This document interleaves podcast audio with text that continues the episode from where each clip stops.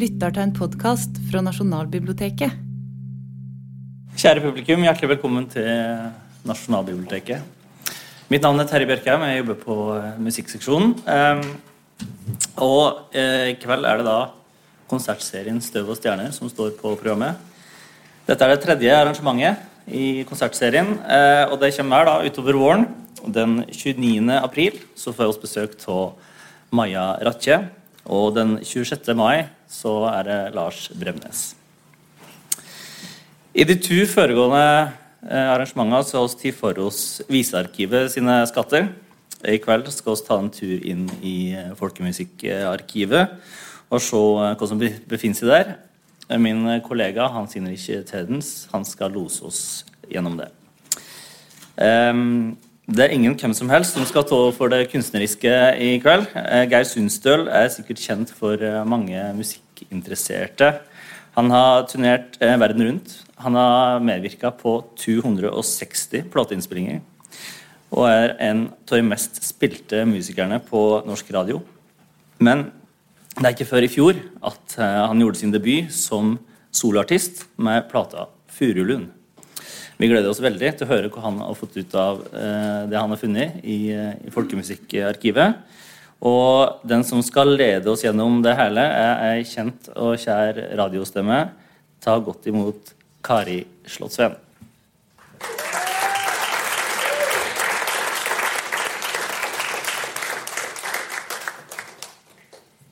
Velkommen, så hyggelig å se dere. Er det noen som har vært her på de foregående? Som følger serien, som samler, på en måte. Så hyggelig, ja. Så fint. Det som også er litt gøy med disse arrangementene, er jo at det blir jo tatt opp. Så det vi sier her, og det vi tråkker uti, og det vi ikke tenkte at vi skulle si, men jaggu sa vi det likevel, det, det havner i evigheten et eller annet sted i folkets arkiver.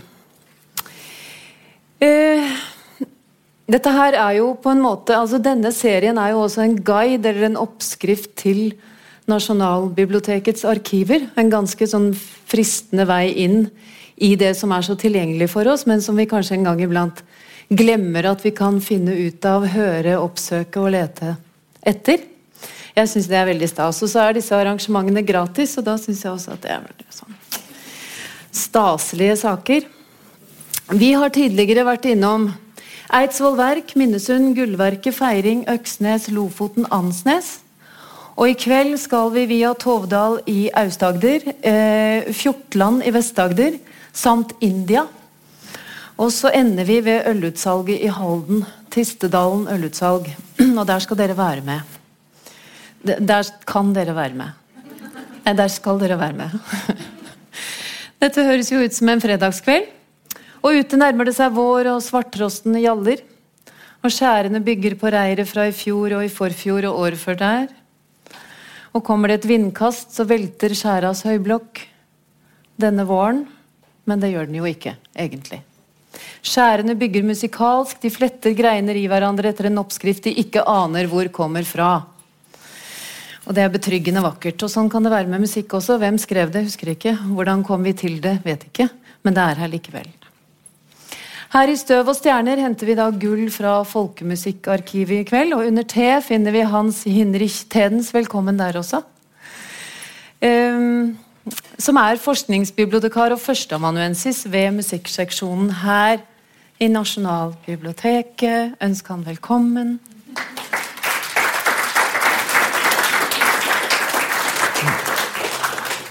Hei, Hans Hinrich. Hans Hinrich Tedens har åtte strenger. Geir, som dere møter ganske snart, har 45. Til sammen har vi 53 strenger å kose oss med i løpet av denne kvelden. Men du er jo Hans Hinrich Tedens er ikke et norsk navn, og du er jo egentlig ikke norsk, men du har vært her en stund. Hvordan kom du hit? Kan vi begynne der? Jo, jeg er jo født og oppvokst i flateste Nord-Tyskland. Og um, fattet interesse for uh, folkemusikk generelt. Og uh, i Nord-Tyskland fins det faktisk ingen levende tradisjoner. Nei. Og så hadde jeg vært i Norge som turist på baksetet i foreldrenes bil. Og uh, så det mange, var det mange ting som kom sammen, og så var det en professor i Hamburg som sendte meg til Oslo. for da var en kollega som uh, kunne vise meg mye fint. Studerte du her, eller hvordan, hvordan var det? Jeg var bare gjestestudent i to semestre. Jeg gikk Ah. på norskkurs og noen, uh, Ja. noen uh, forelesninger i musikkvitenskap. Og ellers satt jeg og leste. Og uh, oppsøkte folkemusikk her og der. Ja. Fordi det er jo helt unikt at her kan man faktisk finne levende folkemusikk Ja. så mange steder. Denne mannen har en magistergrad i hardingfele uten å kunne spille hardingfele da han laget magistergraden, men det lærte han seg først etter Det er litt av en historie. Ja det, du, du, du, du skulle sett meg da jeg prøvde å transkribere eh, lydopptak som jeg spilte av i halv hastighet, med en bratsj som var stemt sånn omtrent til teipen, og det gikk på et vis. Ok, Så du var musiker i utgangspunktet. Spilte du da klassisk musikk før du gikk til folkemusikken? eller hvordan var det? Jeg begynte med interesse for folkemusikk, ble, men så ble jeg suget inn i uh, orkesteret. Aha. Og så, men så kom du til Norge, og så lærte du deg å spille hardingfele? For du må jo ha lært det, den ligger jo her. Uh, ja. Uh, jeg fikk eh, Og det er egentlig historien hvorfor jeg ble. Det var at jeg hadde uh, faktisk kjøpt meg en hardingfele. Det fikk jeg til. Men å sitte langt fra den levende kulturen med kun opptak og noteoppskrifter, det, det fungerte dårlig. Så jeg var på en uh, konferanse på Lillehammer. Og uh, der var det mange jeg kjente fra før, blant andre min eh, første norske felelærer, Onon Egeland, som nå underviser på Høgskolen i Telemark, Rauland. Og som vi kommer til å høre fra senere i kveld. Nettopp. Ja.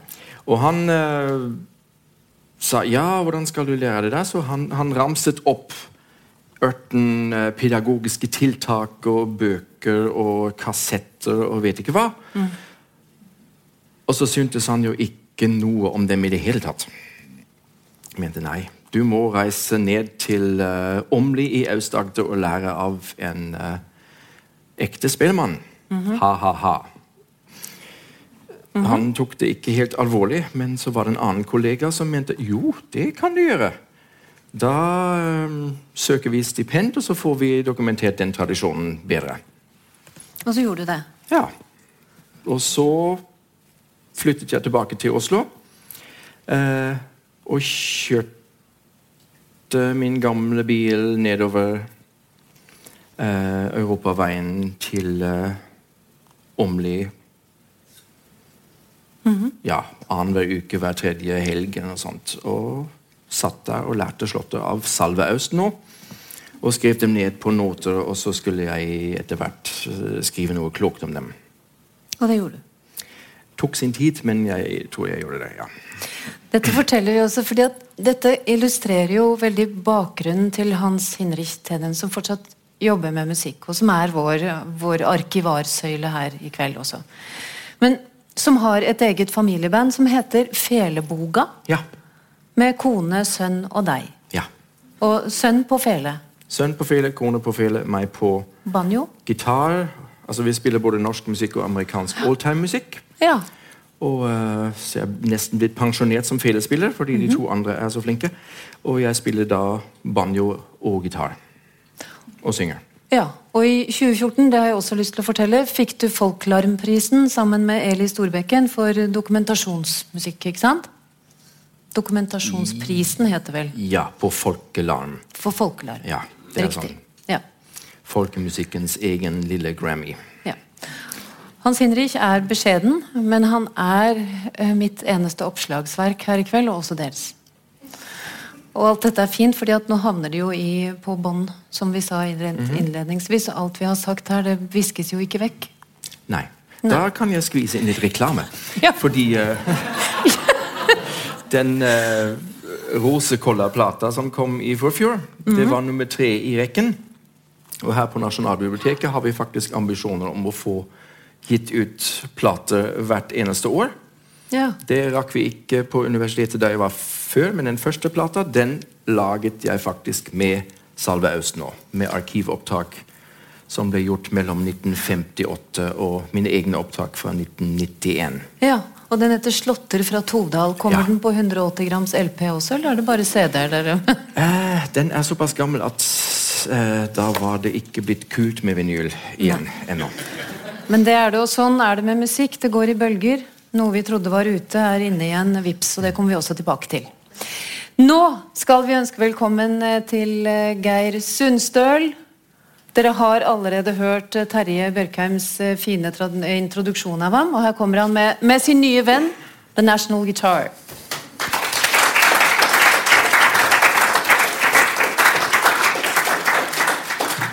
Hei, Geir. Hei. Denne gitaren som er laget av messing, kanskje? Messing? Mhm. Opprinnelig fra 30-tallet i USA. Kjøpt på Finn for to uker siden. Nei, nei, ikke helt. Nei, nei, det var, er Tre år. nei, det var noen som har sagt at den er fra Finn, eller jeg trodde det var en, at det var en spøk vi hadde bak der. Nei, nei den er ikke fra, den kommer fra Amerika, altså. Den gjør det, Ja, ja. Nei, så den er øhm, Den er jo øhm, Den er jo Den har Hawaii-mønster på begge sider. Mhm. Og den øh, lager dem sånn som de lagde dem før, da. Men den her er faktisk bedre enn den som er fra 1930. Den her klinger bedre. Og så har den fått nye strenger siden da jeg møtte deg første gang vi begynte å snakke sammen, før vi kom hit. For et par uker siden så kom du med den og sa 'her er min nye venn'. Uh, The National. Og da sa jeg 'har du kjøpt den på Finn?' Og så sa Geir ja. Og da tok jeg det for god fisk. Så, Ja, okay. skjønner du? Dette er et av de instrumentene dere skal få møte i kveld. Vi har jo også en pedal steel der. Og så har vi en Shankar-gitar bak her. Dere kan glede dere til dette. Em, hvor skal vi begynne? Vi snakket om, øh, om Onon Egeland. Og vi har vært innom flere andre musikere. Og vi kommer til å gå liksom fram og tilbake via forskjellige musikere, forskjellige landsdeler, og også til Geirs egne tolkninger. Så dere får høre både originalopptak, og så får dere høre da måten Geir gjør disse melodiene på etterpå. Det er sånn vi gjør det i kveld. La oss gå til Gråtarslaget først. Og først så sa vi Gråtarslaget etter Trygve Eftestøl. Kan ikke du bare forklare Hans Indre Kjalt dette her, så ikke jeg surrer det til mer? Ja, det var jo Geir som kom med tips fra en musikerkompis. Så, eh, og det var en annen hardingfele-immigrant, Daniel Sandin Varg. Ja. Og eh, han indoktrinerte han da med Agder, som er eneste rette å gjøre. Um, og han tipsa da om uh, Trygve Eftestøl fra Vest-Agder. ja. Fra Fjortland. Fjortland. Ja, nemlig. Ø, øhm, hvem var Trygve Eftestøl? Musiker? Eh, Trygve Eftestøl var en uh, Må ha vært en meget interessant person. Eh, Kanskje sånn Bygdegeni er kanskje ordet. Han var eh, formingslærer. Eh, han var eh, klokker. Han var kirkesanger. Han var litt gårdbruker også. Ja. Men han var også Fjortlands eh, svar på Leonardo da Vinci. Fordi han eh, drev ikke bare med treskjæring osv., han var også oppfinner. Og han fikk patent på både det ene og det andre. Um, blant annet en malerkost som han ikke trengte å dyppe i noe uh, bøtte. Sånn selv, selv uh, Selvmalende? Nei, mal, male måtte, måtte noen gjøre, men uh, den, altså sånn, Hva heter den? Selvtanken, da? Nei. Noe sånn. Ja. Det er jo litt Aukrust Ja. over dette. Jo, det er eh, basert på ekte mennesker. Det er Eh, det, og det er jo denne musikken også. Vi skal, vi skal ganske straks til originalen, men, men Geir, du er jo Du sa til meg at du, du er ikke folkemusiker, men du er ikke ikke-folkemusiker. Og du har jo vært med på uendelig mange produksjoner i løpet av alle disse årene. Jeg, jeg våger nesten ikke å gå inn i det engang, og spilt med så veldig mange forskjellige musikere. Hvordan var det for deg å gå inn i folkemusikkarkivet og tenke ut hva du kunne gjøre på de instrumentene du behersker? For det er jo ikke få, det heller. Nei, det var uh, Det var lærerikt, det. Måtte du lete etter noe som passet deg sånn eh, temperamentsmessig, eller av, altså, at du Ja. Jeg spurte om, om de hadde noe trist musikk, og så fikk jeg Så sendte han meg musikk fra Østfold, og så Så var ikke det så trist. Og så, prøvde, så spurte jeg Daniel, og så sa han hun må spille Agder-musikk. Det er bare det som gjelder. Krutsterke folk. Bluesfolk. Ja. Og da fikk jeg noe, ble jeg pensa inn på rett spor, da. Så jeg spurte om jeg kunne få musikk som gikk sakte, og som var trist, da. Så, så jeg fikk jo utrolig mye dansemusikk fra deg, da. Fem, 25 om gangen som jeg, måtte, eller som jeg hørte gjennom. Og så Det gikk jo altfor fort. Det var jo så lystig musikk som du sendte. Så Var det pols og sånn, da? ja. Ja. Og Så det droppa jeg, da. Det kommer vi også tilbake til. for Jeg, tør- jeg tør ikke begynne å dra i den snoren nå, for da følger det et helt nøste med. Um, men skal vi høre hva, hvem, hvem er det vi hører nå? Hvem spiller i det vi skal høre nå? Det er faktisk ikke uh, Trygve Eftestøl, Nei, det men er det det er en, en uh, granne. Ah. En fra samme område, Ommund Tveiten. Åmund Tveiten. En Og han konkurrent. En konkurrent. det, det vet jeg faktisk Nei, ikke. nei. Det kan godt hende, men jeg tror ikke sånn, Trygve Eftestøl virker ikke som om han var så veldig konkurranse eh, altså opptatt av det. Em, men Åmund Tveiten er en av de få norske felespillerne altså, som virkelig kunne dra en sviske. Det er det ellers mangelvare på. Men altså, det her spiller han samme, samme sakte marsjen som Ja. også Trygve Eftestøl spiller. Ja, og trist. Ja. Gråtarslaget. Hør nå. Det er 22. mai 1979, og vi er hos Åmund Tveiten i Eiken, og han vil spille noen gamle sorter fra Eiken. Ja, jeg skal forsøke å spille en, eh, en brødremass som skal være laga etter fra det høybrukkerfølget som uh, drukna her i Lugnevatn i Eiken. Så var det en spillmann som lagde toner til, til denne her, som jeg nå skal forsøke altså, å spille. Thank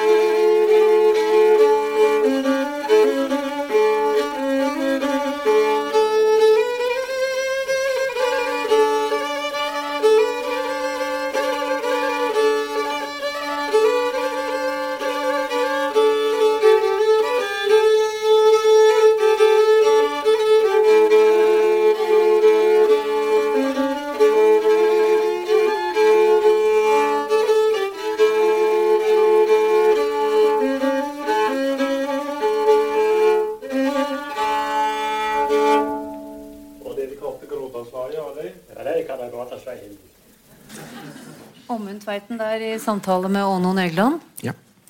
Men nå, eh, gråtaslaget etter eh, Trygve Eftestøl i D-dur på National Guitar.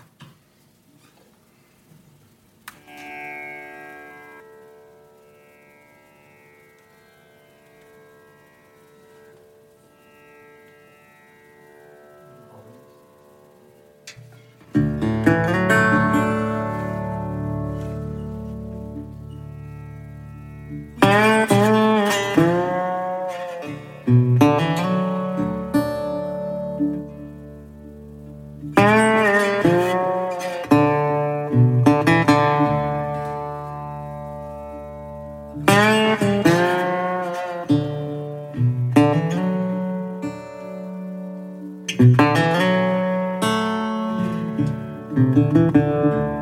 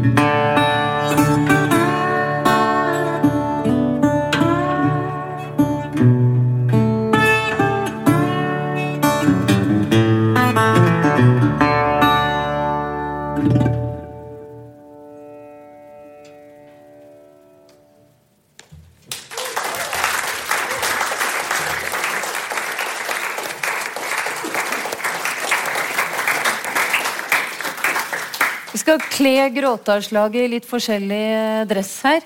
Men aller først den boksen som står bak her. Hva er det? Ja, det er en, eh, det er en digital eh, Digital indisk boks som lager en sånn drone, da, som man kan Da kan man velge om man vil ha pa, ma, ni. Altså Så i stedet for å ha en musiker med et langhalset instrument, så har du den boksen? Så har man bare tegningen av det instrumentet oppå her, og så, og så kan man bare skru på, og så kan man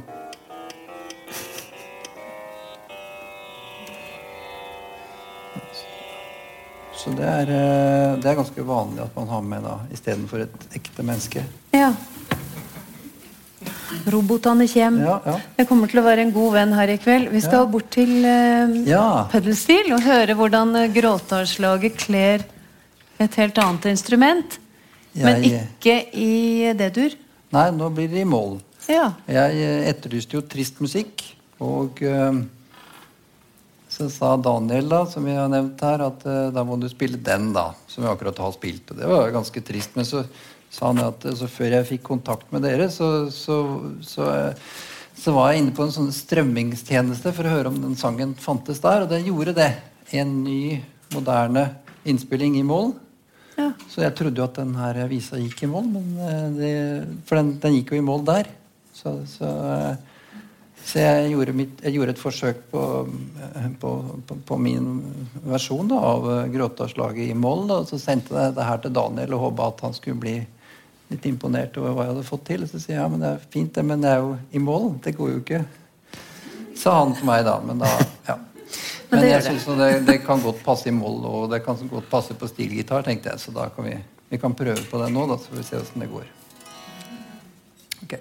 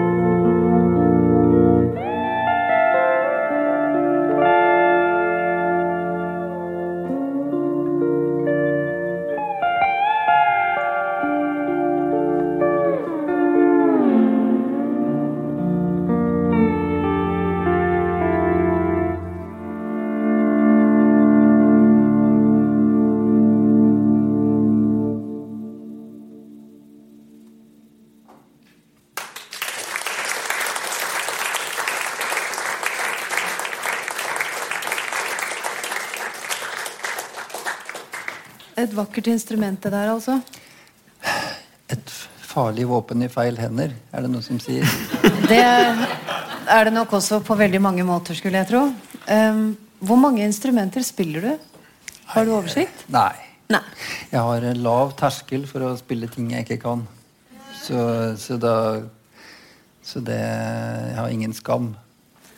Fint. Så det Vi var innom tonalitet eh, tidligere. Og da sa du at det er et vepsebol innenfor musikkforskning. Jeg tror ikke vi skal liksom, slå det helt i stykker, så vi har det gående her i mange timer. Men vi var innom det. Og da snakket vi også om Geirs opplevelse av å gå i folkemusikkarkivet og bli minnet om annen musikk. Og det er jo det vi opplever veldig mange av oss hele tiden, at vi hører noe som minner oss om noe annet. Og at musikk ofte har Vi, vi kan enten innbille oss at det har felles opphav, eller at det minner om eller ligner. ikke sant? Um, men dette her med at kan vi, jo, kan vi ikke bare løse opp litt i det? Hvorfor er det et vepsebol? Hvorfor er man uenige om, om fellesskap innenfor musikk? Jeg tror ikke vi er så uenige lenger. Okay. Men for 100 år siden, da var folk veldig uenige. Og det hele kommer av at da innsamlerne dro ut for å finne den ekte norske musikken under nasjonsbyggingens tid eh, Da var jo den første en, en av de første store innsamlerne var Ludvig Mathias Lindemann. Og allerede han skrev at her er det toner som jeg ikke klarer å presse inn i vårt notesystem. Ja. Det er ikke dur, og det er ikke moll. Det er et eller annet sted imellom. Og det var jo veldig nøkternt og uh, bra sagt.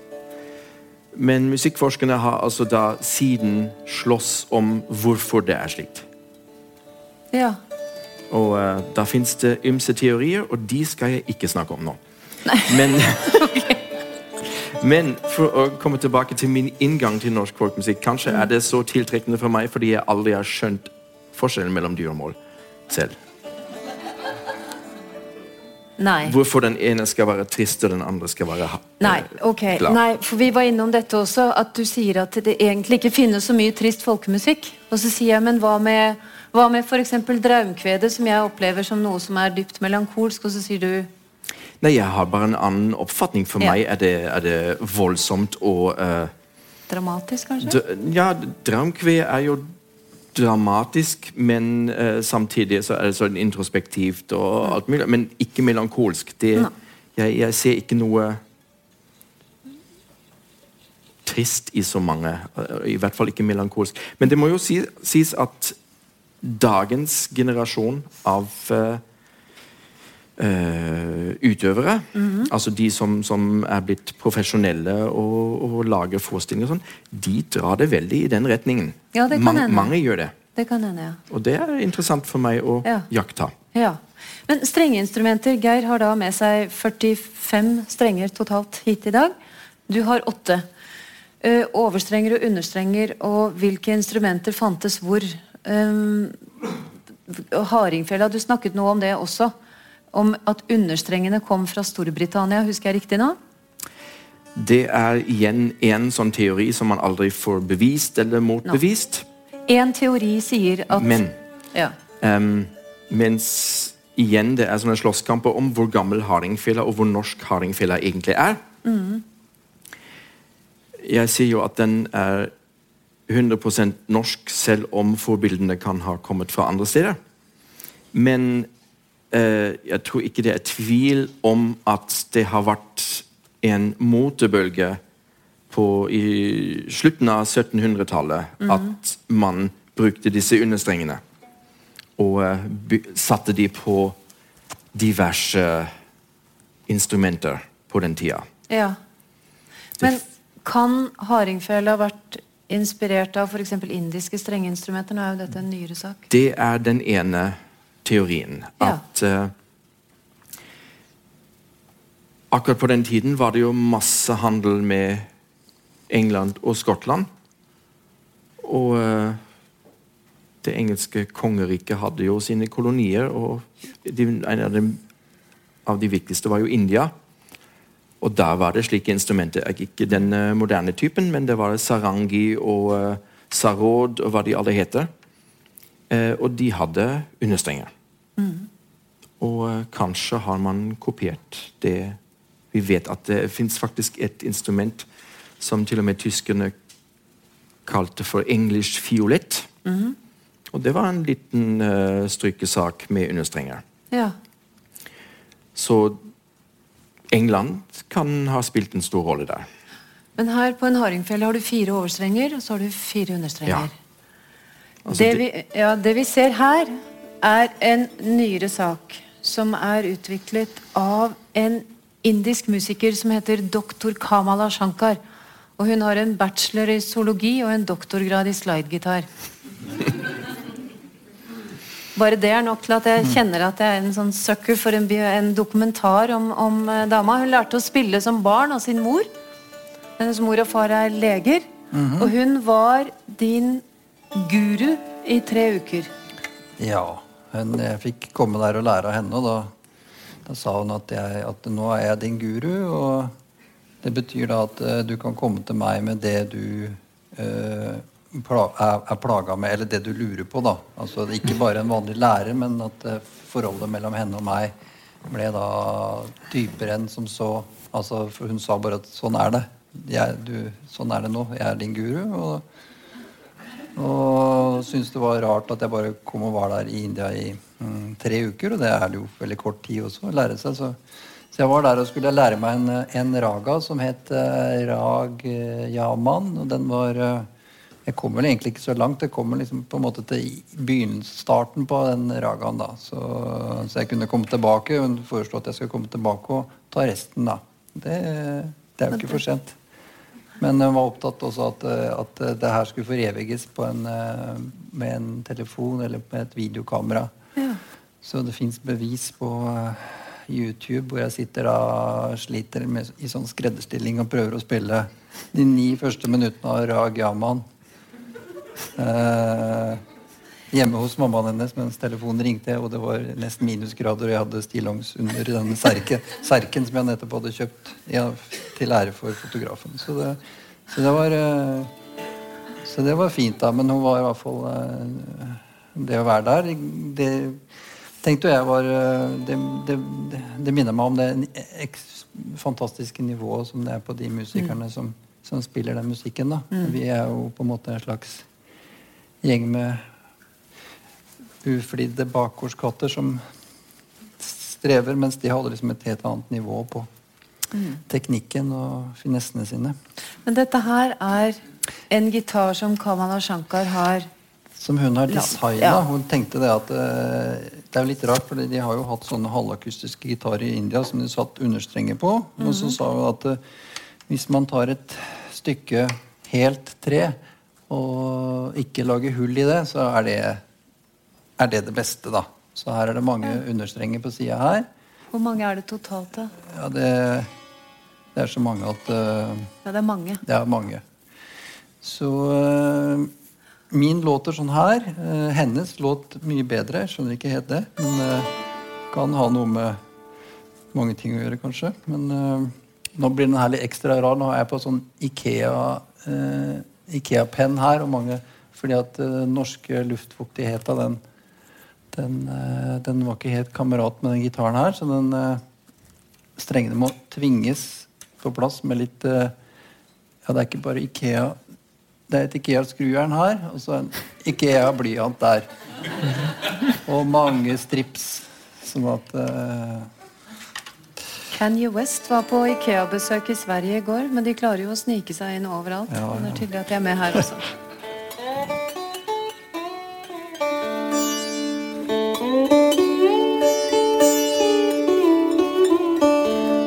Ikke å spille så trenger vi ikke å spille ni minutter, men eh, jeg har den egentlig mest med for å bare for å vise slektskapet til den der, og den historien om eller teorien om at eh, de instrumentene der kommer fra India via England, er jo veldig den, jeg, lik, jeg håper at det er sånn. Det er liksom den fineste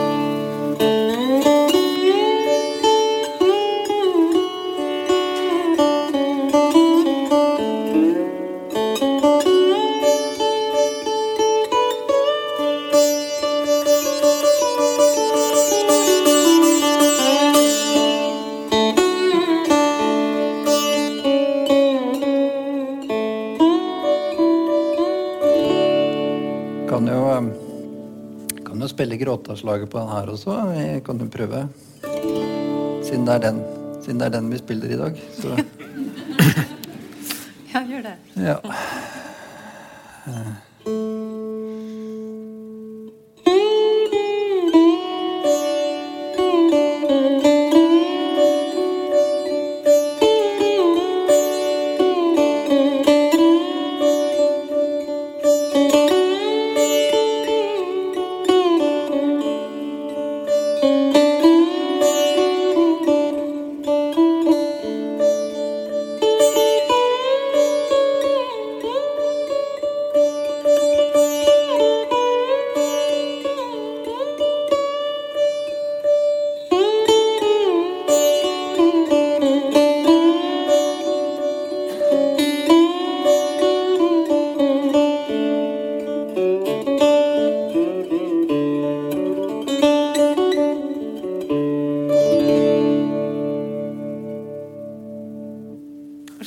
kan sende en eh, norsk folkemelodi jorda rundt, hvis man vil. ja. Ikke sant? Um, Kamala Shankar, doktor Kamala Shankars gitar. Uh, har du noen idé om når du kommer til å reise tilbake til henne? Er hun, er hun en gang guru, alltid guru, eller bare når du er der? Nei, hun ringer jo og spør Are you, are you practicing now, Geir? Ah, yes, of course. I'm practicing. I'm practicing Rag Yaman, kan jeg si da. Så jeg, kom, jeg, kom, jeg dro dit egentlig for at jeg hadde sett et klipp på YouTube hvor hun spiller noe som jeg oppfatta som blues. Og så sier, og så, men det var ikke det hun ville lære meg. Og så, og så sier jeg hva med det klippet der? Du spiller jo blues. Du spiller jo en annen raga. Det er jo egentlig derfor jeg kom. Ja ja, nei. Blues, sier. Hva er det? Du hadde ikke hørt om blues? Nei. Hva er det for noe? Det er sånn trist musikk som vi spiller i Vesten. Nei, det, det hadde du ikke hørt om. Så det får bli, det får bli neste gang. Men har du lyst til å se henne spille også sammen med deg, så ligger det klippet også ute på Nei, det, det, Det gjør ikke det. det- det- Jo, det gjør det, men vi spiller ikke sammen. No. Nei. Men Kamala Shankar ligger der. Ja, det gjør det. Vi skal til Tovdal i Aust-Agder. Anne Sandnes. Og her må vi nok ha en introduksjon fra deg, Hans Hinrich, først. Hvem var Anne Sandnes? Eh, Anne Sandnes Tja, vet selv ikke så godt eh, hvem hun var. Jeg vet at hun ble født i Tovdal, altså samme dal som Salve Østnå. Eh, født i 1905. Og hun ble da kjent gjennom nesten de samme kanalene. Um, Altså folk som samlet inn Ja. folkemusikk, ikke sant? Ja. Ikke NRK, ikke noe sånt. Eh, men eh, i det tilfellet var det faktisk eh, gjennom dattera hennes, som het Ingebjørg Rostveit. Em, og som er med på denne Jeg tror hun er med på denne Rosekolla-plata. Ja. Og hun var faktisk barnepike for Kirsten Bortenberg. Aha. Og der oppsto den kontakten. Og vi har opptak fra slutten av 70-tallet. Den ene gangen der um, Kirsten og min uh, kollega på universitetet, Tellef Kvifte, var og besøkte Anne Sandnes og gjorde opptak der. Og så har vi opptak som en uh, annen lokal aktivist gjorde omtrent på samme tid som han het. Han heter Olav Åmli. Ja. Og det som er så fabelaktig med Anne Sandnes, det er jo eh, For det første, når man hører på disse opptakene, så er det bare sånn sprudlende, veldig morsomt. Morsom dame. Og så går det repertoaret sånn. Altså fra middelalderballade, religiøs, til eh, moderne, nyskrevne morsomheter og litt stev. ja. Det er veldig, veldig mangfoldig og veldig artig. Og slik samles musikken inn. Og vi skal først høre Anne Sandnes i et originalopptak. Eh, og tittelen her er 'Knust av sorgens hammer'. Ja. Hør på det Sikkert først. sunget sånn rett etter 'Å du tjukke og du bollerunde Guri'. Hvordan kunne du svikta din Per? Knust av sorgens hammer griper jeg min penn. Tent av kjærleiksflamme må jeg bruke den. Og en sang oppskrive til min venn utro. Som sa falt kan give hjertet bort til to. Ak, jeg ser tilbake med et vemodsblikk på de svunne dager da vi glade gikk. Hånd i hånd i lønnen vi hos hverandre satt. Hjertene var bunden til hverandre glad. Lykkens blide stjerne lyste på min vei. Sorgens bitre skåler tømte jeg dog ei. Nu må jeg dem tømme til et breddfullt mål. Tung så er min skjebne, bitter er den skål. Det var det som første verset, iallfall. Ja, men var det ikke et med rørt Jo, så kommer Rørt mitt hjertesukker, pike kun for deg. Har du evig lukket døren til for meg? Tenk og hvilken smerte du meg voldet har med det falske hjertet som du til meg gav. Å, mitt øye stirrer mot mitt kjære hjem. Det mitt sinn bemøyer, tårer bryter frem. For den falske vennen som bryter tar deg bånd som skulle være festa av en trofast hånd. Hånd. Det var kaldt. Anne Sandnes der i Folkemusikkarkivet. Det er jo nesten sånn skillingsvisepreg på framføringa Ja, ja, ja. Absolutt. Hvordan blir denne så på nasjonalgitaren i kombinasjon med en av dine egne låter som heter 'Kamelsnurr'? Ja, det, det blir noe som det blir, men det er jo litt urettferdig å som spille noe etter henne, da. Men uh, vi får se. Da skal, må jeg få litt hjelp av Av hun i kassa. hun i kassa her, ja. Ja.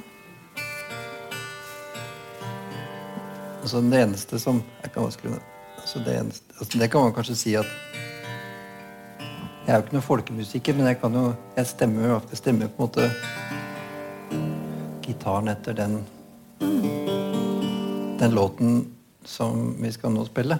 Det er på en måte Det er litt vil ikke si at det er at man er litt litt inne på å være folkemusiker. Jo, og, og det er i hvert fall internasjonalt. Det er internasjonalt. ok. Det du sier at du er nesten folkemusiker nå? Jeg blir jo mer og mer det nå Ja, lenger. gjør Nei da. Ok, nå Vi skal prøve å eh, gjøre en liten sånn uh, miks her, da, med den vi hørte, og den, uh, den andre, 'Kamelsnurr'. Så, altså knust da 'Sorgens hammer' og 'Kamelsnurr'. På I, National. ja. I, ok, nå setter jeg på den her igjen. Skal vi se. Bare har den på litt svakt i bakgrunnen. Så.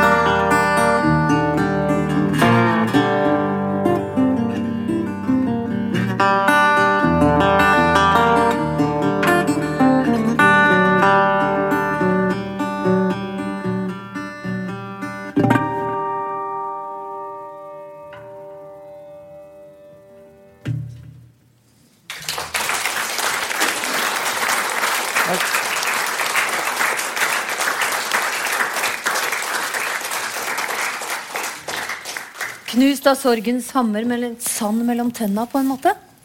Hva sa du? Det var litt sånn ørken i Så, I eh, eh, framføringen. Sand mellom tennene. Ja, det er jo Det er jo Det er jo det. Dette nydelige bassbrettet som Ja. eh, Geir har her. Et par av frekvensene der traff taklampene tidligere, så man har vært oppe på høy stige og skrudd for hånd fast skruer her.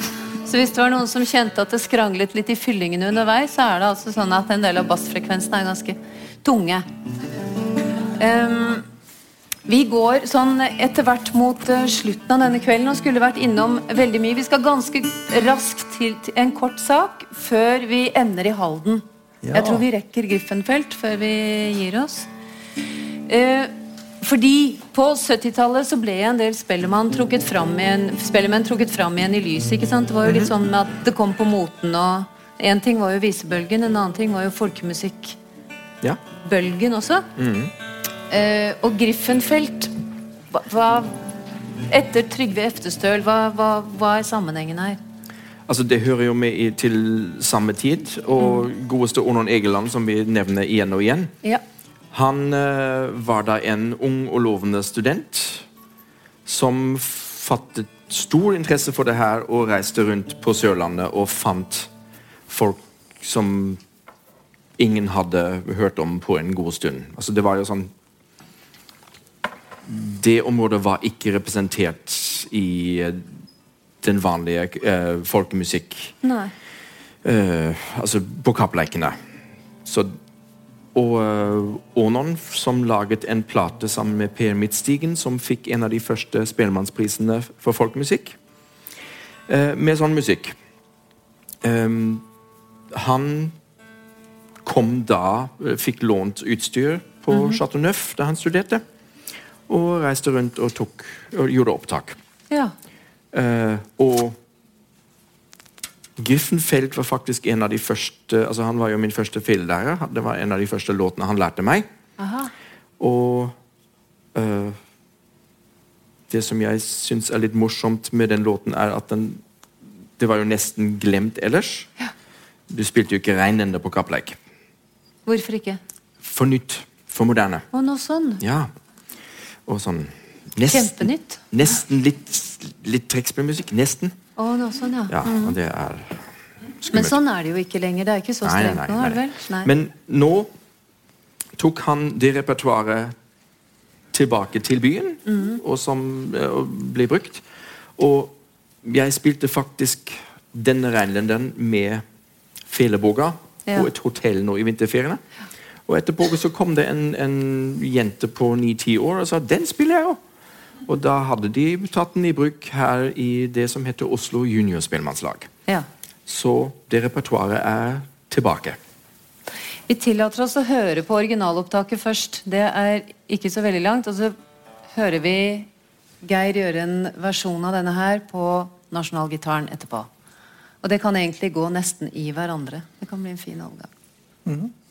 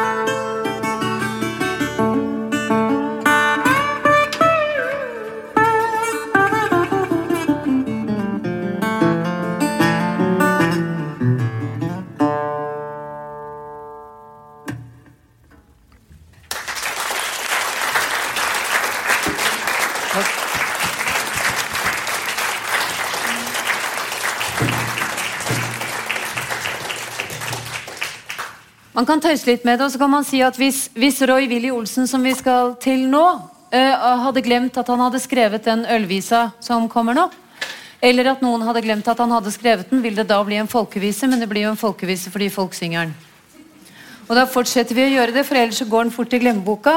Og vi skal til Tistedalen. Og for dere som har lyst til å se et helt nydelig opptak eh, fra Halden og Tistedalen, det finner dere på Hamar Arbeiderblad eller rett og slett på YouTube. Der ligger det med, med gode folk og musikere og venner fra Halden som står inne i ølutsalget og synger. Jeg har sett på det. Det er, det er helt nydelig.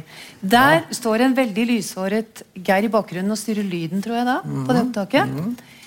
Det håret der og utseendet ditt og i grunnen navnet ditt, og det må jeg få lov til å fortelle avslutningsvis. Har dere sett Fargo? Filmen til Cohen-brødrene? Noen av dere har det. Geir Grinsrud. Det, Geir er da inspirasjonen. Cohens møtte Geir. Fordi han jo spilte med, med, med, med Jimmy Dale Gilmore. Ja. ja. Som jo også er nokså sentral i The Big Lebowski. Jeg trodde det var en fleip første gang jeg hørte det, men så ble jeg ellevilt begeistret etter å ha sett Fargo baklengs eh, i søvne sikkert 20 ganger. Så her er altså på en måte en norsk eh, Grimsrud. Men så eh, tar vi for oss Roy Willy Olsen, som ikke er mer. Da han fikk gravstein i Halden, så samlet venner og lokale folk seg rundt gravsteinen og sang ølvisa. Og de samlet inn penger sånn fyren skulle få en ordentlig gravstein. Og han var elsket. Og han var folklore, og han var en fargerik personlighet som omtales på godt vis. Uh, og så skal uh, du bryte ditt selvpålagte sangforbud for oss. Det er vi kjempeglade for. Men dere må veldig gjerne være med. Og så ja. hedrer vi Roy Willy Olsen til slutt. Her i Støv og stjerner i kveld. Ja, det er kjempefint. At, at dere er med og synger på refrenget. ok. Det er en uh, Ja, du har egentlig sagt det meste der.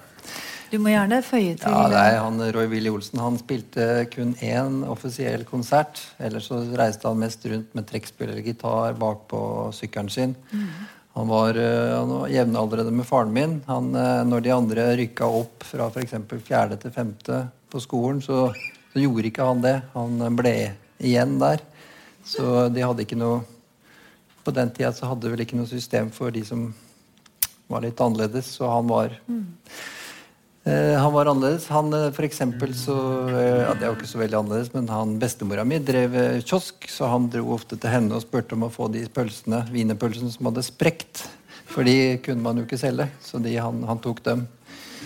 Og han ble kalt Roy Luft, og det var eh, bl.a. fordi at man at han hadde buksa, boblejakka, nedi buksa alltid. Så ja. Men han lagde en del sanger som, eh, som er populære i Halden fortsatt. Og nå skal vi ta den store hiten, som er Ølvisa, og da må dere som sagt gi veldig gjerne hjelpe til. Det er jo noen haldensere her, så det skal nok gå bra.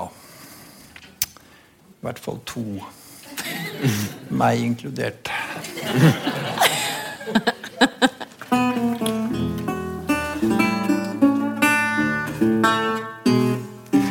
søndagen er det aldri noe fyll og drikk. Og mandagen åpner bryggeri for ny trafikk. Da åpner Marta Tugelsen sitt bryggeri. Og døra blir låst opp presis halv ni. Og utafor står mange og venter i køen. Der står Gunnar Denis, og der står Trygve Røn. Der har vi Trompen og Charles hus. Alle kjøper øl, det blir ikke solgt noe brus. Og hvor eksporten er god å ha. Og hvor bayerølet smaker bra. Eltern, ja, den er jo herlig. Alt som heter øl, er godt.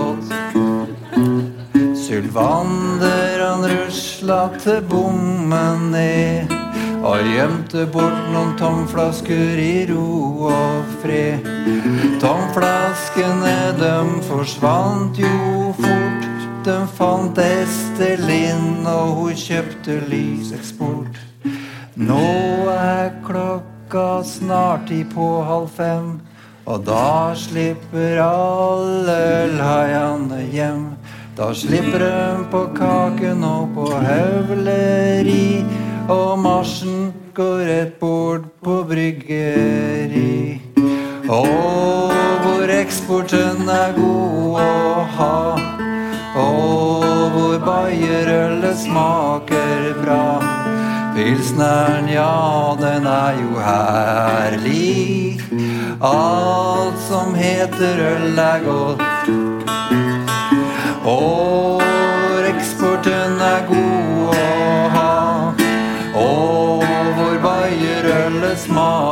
Smaker bra.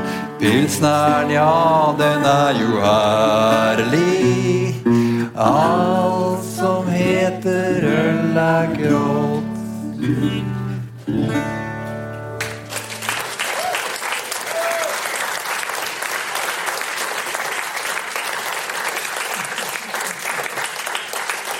Geir Sundstøl, Hans Hinrich Tedens, tusen takk skal dere ha. God aften.